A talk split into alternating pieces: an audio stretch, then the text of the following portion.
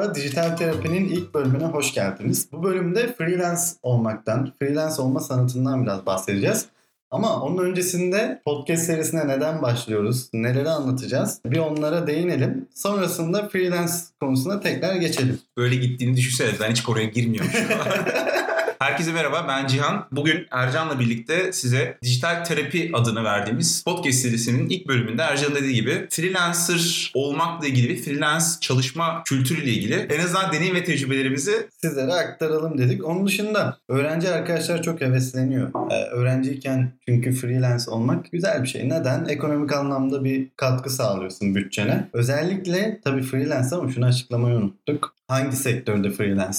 Freelance olmanın sektörü olabilir mi? Sadece işte tasarım, yazılım, birazdan modern dünyanın işini yapan insanlar sanki freelance olabilirmiş gibi aslında freelance olmayı tanımlarken şunu düşünmek gerekiyor. Bu kültür nasıl işliyor? Yani bir tam zamanlı freelance olma durumu var. Bir de zaten başka bir iş yapıyorken bunun yanında ek gelir elde etmek amacıyla yapılan freelance işler de var. Mesela akşam taksiye çıkmak da aslında freelance çalışılan bir iş durumu. Kesinlikle. Ama tabii dünyamızda bizim böyle algılanmasa da akşam taksiye çıkarken de sen freelance çalışıyor olabilirsin. Kesinlikle. Ya bu bir kültür, bu bir çalışma biçimi olarak algılanmalı bence. Ama biz bu bölümde e, reklam ve teknoloji sektörlerini ele alalım. Deneyimimiz olduğu ve hakim ee, olduğumuz bölümle ilgili kesinlikle. konuşacağız. Ee, o zaman şundan bahsedeyim. Dijital terapi nasıl devam edecek? Evet Cihan'cığım. Sence dijital terapi serileri bundan sonra nasıl devam edecek? Ne yapmayı planlıyoruz? Bu podcast serisine neden başladık? Bu yayını konuştuktan 3 ay sonra yapabilmemizin e, sebepleri nelerdir? Bizi ne teşvik edecek diyorsun 3 ay sonra da bu e, içeriği üretmek için? E, öncelikle her zaman bir içeriğe başlarken, içerik üretimine başlarken e, o içeriğin neyle ilgili olacağını ve neden, yani kendine neden sorusunu sorman gerekiyor. Neden ben şu anda bu içeriği üretiyorum? Bu soru sana 3 ay sonra da bu içeriği üretmenin sebeplerini sana sunacak. Bizim Ercan'la bir derdimiz vardı açıkçası. Bu dert de e, her hafta buluşmalarımızda içtiğimiz kahvelerde her iş sonunda ya yeter artık e, bıktık usandık bu durumlardan dediğimiz tüm durumları e, olabildiğince e, modern olabildiğince sektöre uygun bir biçimde ele almaya çalıştık.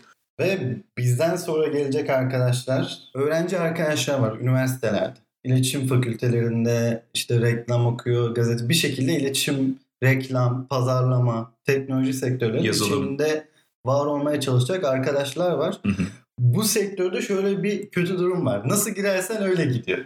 Evet kendini nasıl tanımlarsan diğer insanları bir şekilde kesinlikle öyle devam ediyorsun. Örneğin sen e, bir kişiyle bir işverenle uzaktan çalışmak için ya da freelance çalışmak için bir anlaşma yapmak istiyorsun.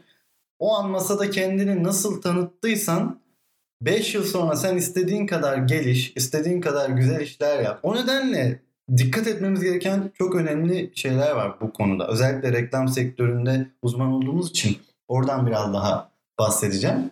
Sence freelance olmak, sen yani son zamanlarda bir ajans, reklam ajansı oluşumun var, oluşumumuz var. Ee, ama sen e, yıllardır uzun süre freelance çalıştın reklam sektöründe. Sence nasıl bir deneyimdi? E, bu yolda ilerlemek isteyen arkadaşlar varsa onlara tavsiye verebilecek durumda kendini görüyor musun? Biraz senden dinleyelim. Ya öncelikle bu çalışma biçimi benim için bir zorunluluk muydu yoksa bir tercih miydi? Buna karar vermemiz gerekiyor. Çünkü ben bu sektörü direkt içinde buldum kendimi. Ben üniversiteden mezun olduktan sonra evet ben şu an bunun kararını verdim ve freelance çalışacağım. Ya da bu çalışma biçimini destekliyorum ben bu olmak istiyorum demedim hiçbir zaman. Ben üniversiteyi bırakayım, zaten çalışıyorum herhangi bir yerde. Bir freelance olayım, hayat muhteşem, pijamalarımla çalışayım, evden çalışayım, sürekli kahve içeyim gibi derdim olmadı. Benim ilk derdim o işi icra etmek. İcra ederken de insanların bana para ödemesini sağlamaktı. Ve işler bir şekilde gelişmiş oldu. Yani ne kimse benim aslında freelance çalıştığımı biliyordu, ne ben kendimin freelance çalıştığını biliyordum. Ama iş bu yönde ilerledi. Bu arada sen nasıl bir freelance hayatı geçiriyorsun? geçiriyordun ve şu anda aslında sen her ne kadar bir ajans oluşumunun içinde olsan da aslında çalışma stilin yine freelance çalışma stili. Ha, bu şu demek değil. Ben çok disiplinsiz çalışıyorum, gece çalışıyorum, sabahlıyorum abi çok yoğunum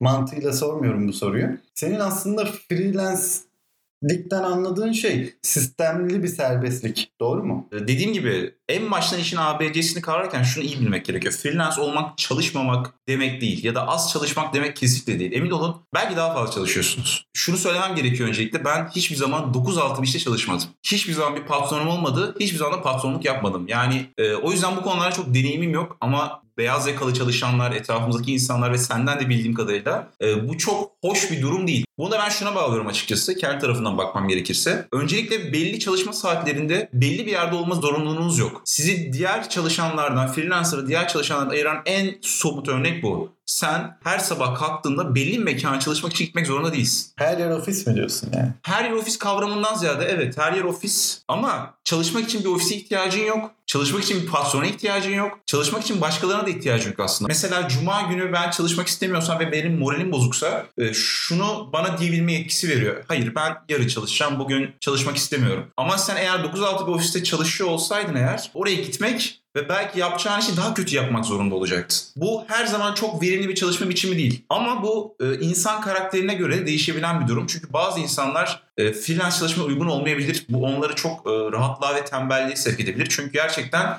e, yapmak zorunda olduğun bir iş yok. Eğer o anda iş almadıysan e, iş alma zorunluluğun yok. Bir de şunu tanımlamamız gerekiyor. Freelance dediğin şey aslında sürekli iş arama durumu sürekli iş arıyorsun aslında sen. Yani evet belli networkler üzerinden dönüyor ama bazen o network üzerinden sana iş gelmeyebilir. 3 ay işsiz kalabilirsin. Belki bir ay 6 aylık paranı kazanabilirsin. Belli networkleri biraz açalım istersen. Ben aslında şöyle düşünüyorum. Şimdi freelance olarak hayatımızı devam ettirmek istiyorsak ya da bir döneminde biz freelance kalmak istiyorsak hayatımızın şuna dikkat etmemiz gerekiyor. Markalar işi kime veriyor? Markalar işi kiminle yapıyor? Reklam ajanslarıyla yapıyor. Dolayısıyla biz direkt olarak bir markanın freelancer'ı ilk etapta olamayız. Bu e, üstün yetenekler ve ciddi networkler isteyen bir konu. Ama biz markanın iş yaptırdığı reklam ajansının freelancer'ı olabiliriz. Bu şekilde reklam ajanslarıyla çalışarak sistemli bir yapı kurabiliriz. Örneğin 3 ajans sizin yaptığınız işi ve iş disiplinini biliyordur. Ee, bu şekilde eline gelen örneğin prodüksiyon işlerini, çekim video işlerini, kurgu montaj işlerini e, sana gönderebilir. Cihan'cığım işte şu markanın e, işi proje bazlı ya da freelance olarak bizimle şu şu tarihler arası çalışabilir misin? Diyor sana markalar. Şimdi bu şekilde bir network geliştirebilirsin. Reklam sektöründeysen direkt olarak ajansların ağına katılabilirsin. Ama bir de direkt olarak senin markayla muhatap olduğun e, durumlar olacaktır. Bu ama büyük markalar için geçerli değil. Biraz daha ki işin başında aslında sen e, ikinci söylediğin gibi direkt o biraz daha dediğin küçük e, çevremizde bulunan markalarla muhatap oluyorsun. Kobi dediğimiz evet, e, evet. büyümeye çalışan orta e, ölçekli şirketlere biraz hitap ediyorsun. Ama o tip şirketlerle de çalışmak gerçekten e, ciddi iş yönetimi, ciddi sabır isteyen konular. Çünkü nasıl hizmet alacaklarını çoğu bilmez. Bir freelancerla nasıl çalışacağını çoğu bilmez. Ya onlardaki aslında lafını bölüm özür dilerim. Onlardaki genel düşünce şu yapıda oluyor. X bir işe ihtiyacı var o anda. O Kobi'nin ya da o ajansı da denebilir. Ve bunu birine yaptırmak zorunda ve halihazırda bunun için belki bir çalışan alacak gücü yok. Çünkü bir çalışan alıyorsan eğer 12 ay onun maaşını ödeyecek Tabii para cebinde bulundurman gerekiyor. Vesaire. ona harcama yapmak istemiyor ve diyor ki evet ben bu işi freelancer birine yaptırabilirim. Aslında çoğu e, bahsettiğin Kobi'de bu şekilde çalışıyor. Düşünce yapısı da bu. Aslında daha e, ucuz, onlar için daha ucuza gelebilecek bir işi bir freelancer yaptırmaya çalışıyor. Ya sizin ilk buluşma noktanız aslında buradan itibaren Ama başlıyor oradaki işte. ucuzluk şu, şu demek değil bence. Benim işim kötü, kalitesiz. O yüzden Yok. az fiyat veriyorum gibi değil de benim sen sigortamı ödemeyeceksin. Evet. Yemeğimi ödemeyeceksin. Ne bileyim bana e, X Ya miktar bir maaş bunların hepsini ödese bile e, bunların zorunluluğu yani uzun süreli bütçe zorunluluğuna girmeyecek en azından. Yani freelancer'ın sağladığı ekonomik kolaylık bunlar. E, şu değil yani. Aa freelance ucuz yap. Ya da freelance açısından bakalım. E, bir şirketi yok. E, ne bileyim bir şirketinde çalıştırdığı personeller yok. Eğer o şekilde olsaydı tabii ki fiyat teklifi verirken ne yapacaktı? Personel giderleri vesaire gibi giderleri de e, teklifin içine eklemek durumunda kalacaktı. Aslında freelance sistem bir yandan markalar için güzel, e, masrafsız, ekonomik görünüyor. Ama freelancer'ın karakteri ve iş disiplini burada çok önemli oluyor bence. Aynen öyle. Çünkü daha demin söylediği sebepten ötürü freelancer'ın bir ofisi yok. Freelancer'ın çalışma arkadaşları yok. Yani freelancer dediğin kişi aslında sadece kendine olan güvenle ilerleyen kişi. Yani ki Türkiye gibi ülkelerde biliyorsun işler çoğunlukla güven ilişkisiyle ilerliyor. Örneğin bir iş yaptınız, evinize döndünüz, işte problem çıktı o an ya da yeni bir değişiklik Müşteri istendi. seni aradı o anda. Müşteri seni aradı. Şöyle bir lüksün yok. Açmayayım ya ben bunu evdeyim ya da açmayayım X iş yapıyorum. Ya bu a- aslında Ee, şu yapamazsın. demek de değil. Şurada yanlış anlaşılmasın. E, müşteri seni gecenin ikisinde aradığı zaman bunu açma yükümlülüğün elbette yok. Bu demek değil. Ama e, müşteriye en azından geri dönüşünün olabildiğince hızlı olması gerekiyor ki müşteri diğer işte sana evet ya bizim Ercan güvenilirdir e, diyebilmesi gerekiyor kendi içinde. Bu arada gece 2'de arayabiliyor. Ne zaman arayabiliyor abi? Ö- özellikle teknoloji işlerinde. Bir web ortamı geliştirdiyseniz müşteriye sunucu e, sunumda bir problem çıkabiliyor. Sunucu dediğimiz sistem biliyorsunuz web sitelerinin barındığı, host edildiği yerler. Bunlar 7-24 aktif. Tabii ki bir, biz müşterimizin sistemimize gece ya da gündüz gireceğine karar veremeyiz. Dolayısıyla gece sistemler bozulabiliyor ya da güncellemeye girebiliyor. E, Bence bu işin gidişatını en çok etkileyen durum işi yapmadan önce konuşulan sözleşmeler, konuşulan karşıtı yaptırımlar. Sözleşme mi? Evet Türkiye'de bu iş biraz e, tamam o zaman ya diye ilerlese de sözleşme olmasa bile en azından her şeyin karşılıklı olarak en net en açık şekilde konuşulması gerekiyor. Hayaller hayatlar köşesi mi yapsak? E, Olabilir. yani siz bir müşteriyle masaya oturduğunuzda ona hangi günlerde, hangi saatlerde, proje bazlı mı, nasıl çalışacağınızı, kaç insanla beraber çalışacağınızı ona söylemeniz gerekiyor. Bunu ayrıntılı biçimde ona iletmeniz gerekiyor. Ya da Yani o masada çizgileri netleştirmek Aynen lazım. öyle. Yani freelance demek aslında her şeyde bir rahatlığa kavuştuğun anlamına gelmiyor. Kesinlikle. Evet pijamayla çalışabiliyorsun doğru. Evet evde çalışabiliyorsun bu da doğru. Ama müşteriyle aranda olan ilişki aslında her işte çok başarılı olman gerekiyor. Böyle bir sıkıntı var bu işte. Finans yönetiminde, müşteri yönetiminde, Bir anda iş yaparken aslında freelancer olmak çok zor. bir anda bambaşka bir yere kavuşuyorsun. Çünkü gerçekten sen ek- kendi ekonomini de kendi yönetmek zorundasın. Kesinlikle. Kendi saatinde kendi yönetmek zorundasın. Müşteri marka iletişimine sen yönetmek zorundasın. Kesinlikle. Aslında bu insanları deneyim açısından çok ileri bir noktaya taşıyor bu iş. Evet. Video çekiyorsan sadece video çekmekte kalmıyorsun. O videoyu çekmeden önce ödeme alırken nasıl ilerleyeceğini düşünüyorsun. Bunun KDV'sini nasıl yatıracağını, muhasebeciyle nasıl çalışacağını bunların hepsini kendi başına öğrenmek zorunda kalıyorsun. Ee, hiçbir zaman durdurak bilmeyen bir gelişimin içindesin bence. Baktığın zaman okumalısın, yazmalısın, ee, bir şekilde var olman lazım. Çünkü kendi kişisel pazarlamanı aslında yapıyorsun.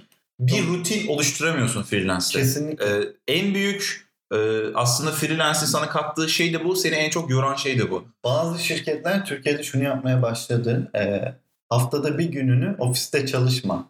Ee, farklı bir yerde çalış gibi seçenekler sunmaya başladılar çalışanlarına. Özellikle reklam sektörü için konuşuyorum. Hatta Türkiye'den de sana hemen bir veri paylaşabilirim bu konuyla ilgili. Süper.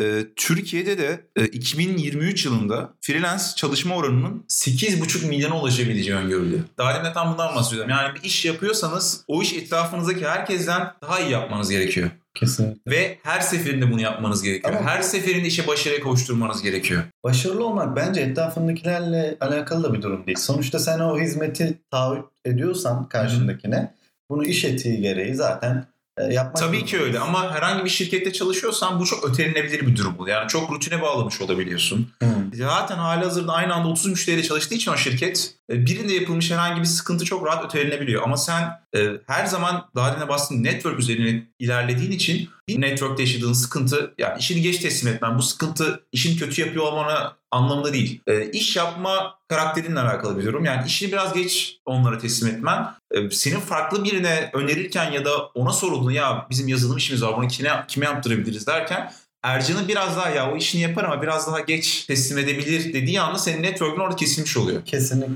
E, Başarı derken aslında bundan, biraz da bundan bahsediyorum. Çünkü şunu kavramamız gerekiyor. E, hiçbir yaptığınız işte müşteriyi memnun edemeyeceksiniz. Ben bir de e, şuna değinmek istiyorum. Senin de eminim kesin bu platformlardan birine girmişsindir abi freelance çalışırken. Biyonluk.com Freelancer zaten uluslararası bir platform. İşte sadece on var. Hı hı. E, ve çeşitli girişimler de freelancer'e artık odaklanmaya başladı.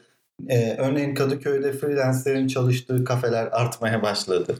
E, Freelance. şunu biliyor musun peki? Kadıköy'de ofissizler adında freelancer çalışanlar bir topluluk var biliyor musun? Süper. Ve toplam e, 2015'ten beri yapılan bir şey bu galiba.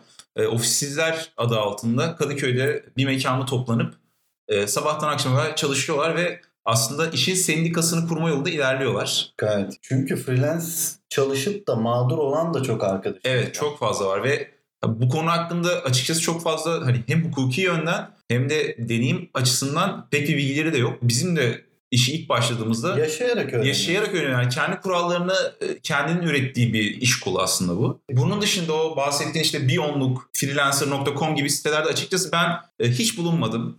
Hadi ya. Sadece birkaç hizmet almışlığım oldu Hizmet orada. aldın. Evet, birkaç hizmet almışlığım oldu. Evet. İşin, işimin çok yoğun olduğu dönemlerde belki hani benle ilgisi olmayan bir işte Word vesaire gibi anladım mı? Yani o tarz programlarda birkaç hizmet almışlığım oldu. Orada da benim incelediğim kadarıyla görmüş olduğum şöyle bir şey var. E, Çoğu insan sektöre yeni girmiş oradaki e, bulunan kişiler ve e, sıkıntısı da fiyatlar piyasa fiyatlarının çok altında. Daha demin de bahsettiğimiz gibi sektöre normal realde de yeni giren insanlar hani iş bulabilmek adına bazen bedava çalışırlar. işte bazen e, ücretini düşürürler. Şöyle oluyor. Örneğin sen de karşılaşmışsındır. Markayla oturuyorsunuz işletmeyle. Bu daha çok da orta ölçekli işletmeler için geçerli.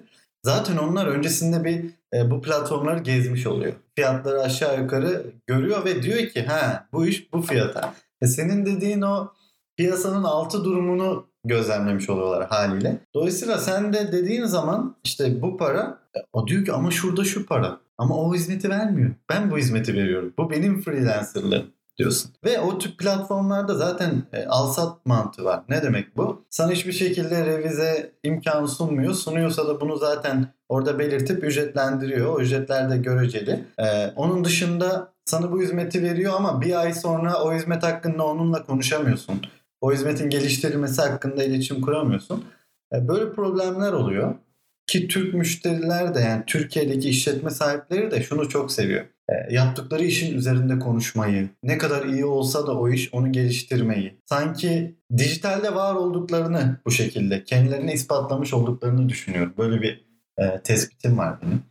Hani bir video çektirip ya da bir animasyon yaptırdıysa sana ya biz şu zaman şöyle bir animasyon yaptık ama bunu bence şöyle geliştirelim.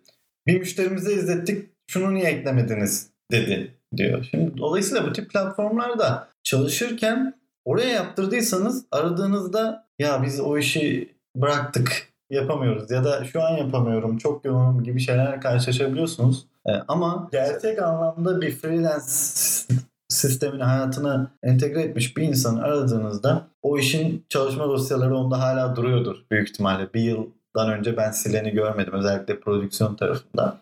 Şu an düzen çalıştığımız markalar var. Senin e, bu konudaki rekorunu merak ediyorum. En eski markan mesela kaç yıldır çalışıyorsun? En eski markan mı?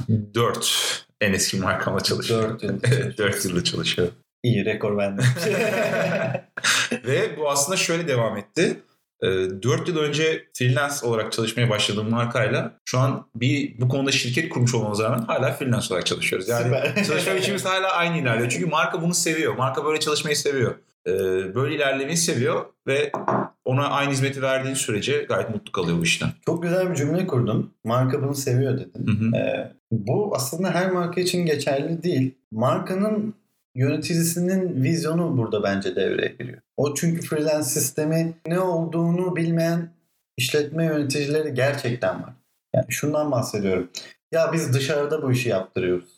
Dışarıdanın tanımı aslında freelance bir arkadaş bize destek oluyor cümlesi daha bence makul bir cümle ama bunu kuramıyor. Neden o tabirlere, o kültüre hakim değil? E bu şu, Ya aslında çok haklısın. Her gittiğimiz müşteride biz bu işin bir tarihini anlatıp, bu işin nasıl yapıldığını anlatıp, nasıl ilerlenmesi gerektiğini anlatıp ondan sonra işe başlayabiliyoruz zaten. Gerçekten Bu şekilde öyle. Ee, senden şunu talep eden oluyor mu? Freelance iş yaptıktan sonra gel sen işte biz durumları düzelttik daha iyi hissediyoruz yatırım aldık vesaire gel ekibimize dahil ol diye hiç teklifler alıyor musun? Oluyor. Tabii ki oluyor. Arada Evet, evet. Ama ben bu yola baş koydum mu? Nasıl oluyor?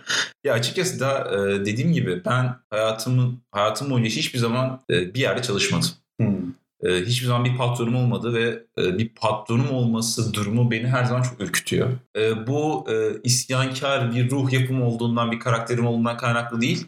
O sistemin saçma olduğunu düşündüğümden ve aslında böyle çalışmaya alışka gelmiş olduğumdan kaynaklı bir durum. Ve kendimi bu şekilde çalışmaya daha verimli bir çalışma evrildiğimi düşünüyorum açıkçası. İkinci olarak da bu marka ve freelancer arasındaki durum da e, hani müşterinin bundan mutlu olma durumu da şundan kaynaklı olabilir ki bu da sıkıntılı bir durum açıkçası. Belli bir süre sonra işte 4 yıldan bahsettik, 5 yıldan bahsettik, daha uzun süreden bahsediyorsun. Belli bir sonra artık çalıştığın markayla arkadaş gibi olmaya başlıyorsun. Yani işler mailleşmeden biraz WhatsApp'laşmaya kayıyor. WhatsApp'laşma. Aynen öyle yani oradan konuşmaya kayıyor. İşte beni sohbet için arıyormuş ama o arada da işini yaptırmak Yaptırıyor. istiyormuş gibi arıyor ve iş ondan sonra terazi iyice kaymaya başlıyor aslında. Ben şöyle söyleyeyim sana. Ya İlk uzun başta- süreli freelance çalışmalarda aslında remote çalışmalarda diyebiliriz buna. Uzun süreli remote çalışmalarda o yüzden ne olursa olsun sınırlarınızı çok iyi belirlemeniz gerekiyor. İlk e, freelance olarak çalışmaya başladığımda çok heyecanlıyım. Şöyle heyecanlıyım artık e, hem gelirim var yani hem para kazanmaya başlıyorum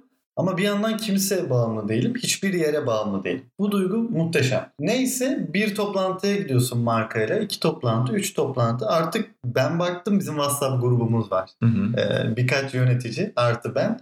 Herkes departmanı ile ilgili benim alanımdaki işleri söylüyor. Örneğin bir grafik, bir web sitesi çalışmasını benimle paylaşıyordu. Ben e, artık bunun önünü alamadım. Bu da benim itirafım olsun. Bunun önünü alamadım ve WhatsApp'tan teklif atıyorum ama bu sefer WhatsApp'tan teklif atmaya başladım. Ve benim teklif mesajlarımda okundu var. Başka bir şey yok yani. E, kabul ettiniz mi bu fiyatı? Bak yapıyoruz ama vesaire.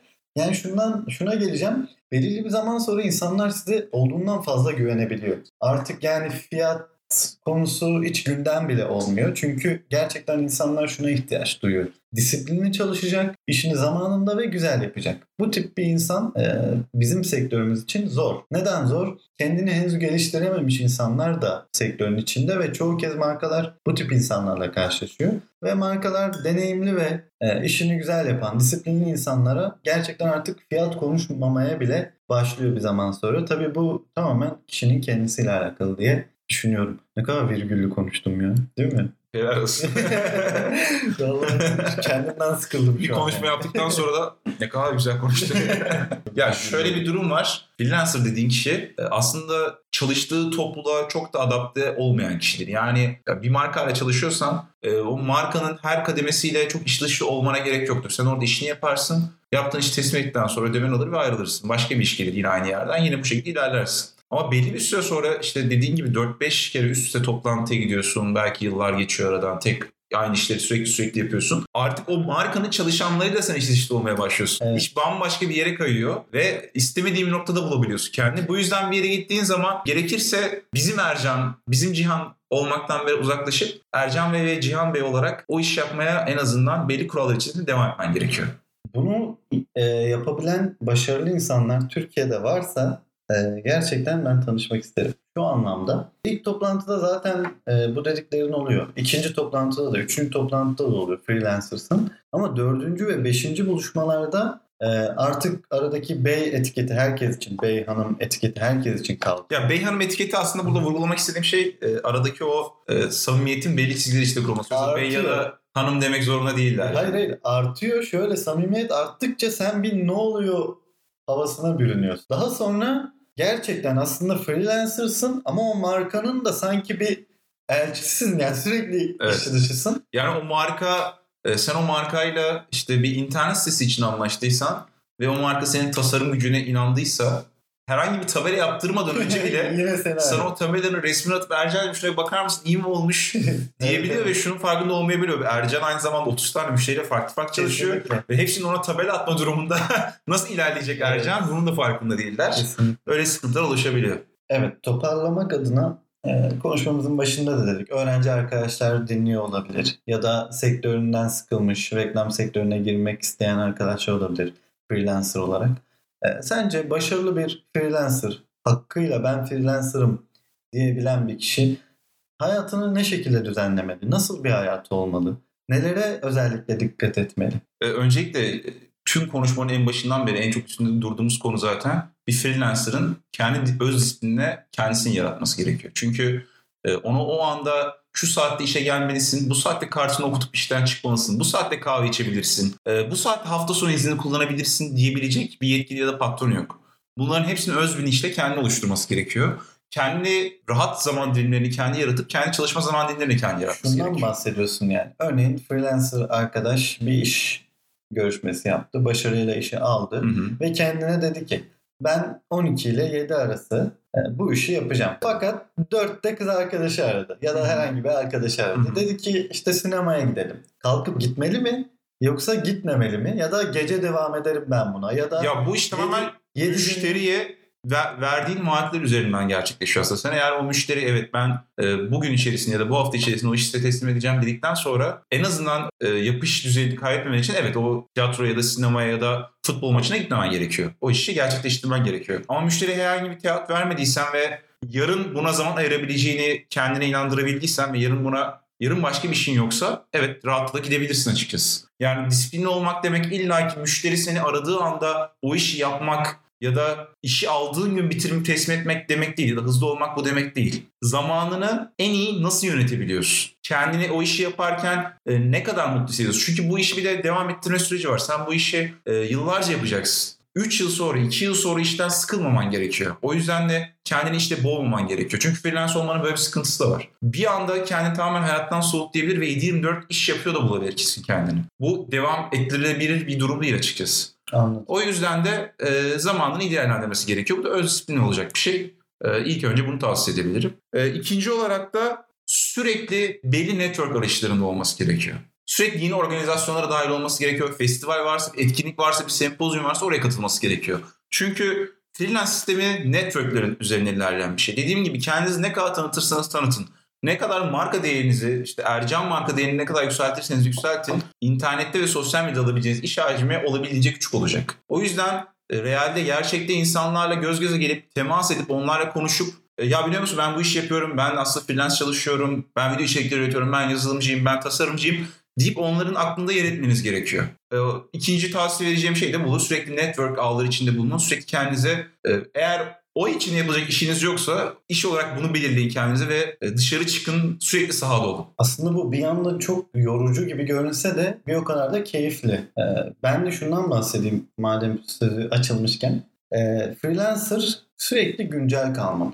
Hem teknik anlamda güncel kalmalı, hem ilişkiler anlamında güncel kalmalı, hem dijital dünyada güncel kalmalı. Örnek verirsek bir grafik tasarım işindeysek, e, grafik tasarım teknolojilerinin e, modern tasarımlarına hakim olmamız lazım. Grafik tasarım teknolojilerinin gelişimine hakim olmamız lazım. Bu şu demek değil tabii. Yeni bir cihaz çıktı hadi gideyim bunu alayım anlamında değil. E, yeni renk paletleri, yeni sistemlere adapte olmak lazım. Güncellik bu. Bu teknik anlamda yeterlilik açısından güncellik.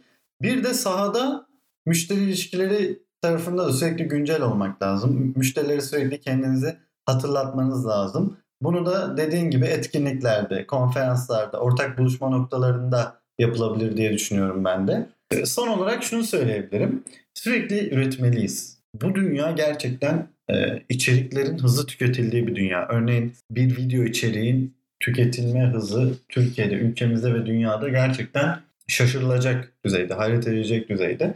Ee, dolayısıyla sürekli blog yazıları, yapabiliyorsak videolar, e, bizim yaptığımız gibi podcast serilerine insanlar başlayabiliyor. Çünkü bunlar bir anlamda aslında insanı gelişmeye iten şeyler. Ve son olarak şunu söyleyeyim. Hiçbir zaman iş yaptığını unutmamalı freelancer. Ne demek istiyorum? Tamam e, ofis yok vesaire gibi konulardan zaten sen çok fazla bahsettin. 9-6 bir yerde olmamak tamam süper şeyler bunlar ama e, iş yaptığımızı unutmamalı ve iş süreçlerini işletmeliyiz.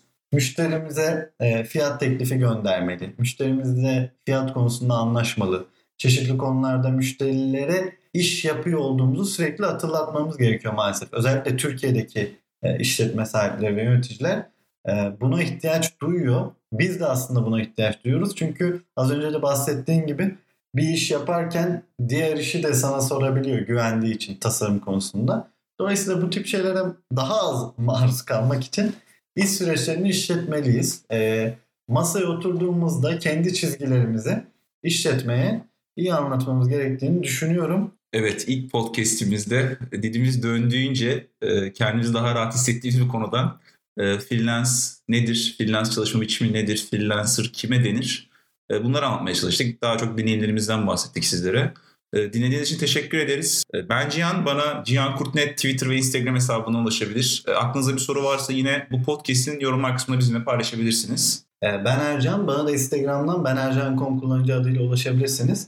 Onun dışında bu podcast serimizi şekillendirebilirsiniz siz de arkadaşlar yorumlarınızla. Ee, şu konuya değinelim. Bu konu şöyle ama böyle olsa nasıl olur gibi dert yandığınız şeyler varsa dijital terapide buluşalım. Hepsini konuşalım. Kendinize iyi bakın. Yeni podcast'te görüşmek üzere. Hoşçakalın. Hoşçakalın.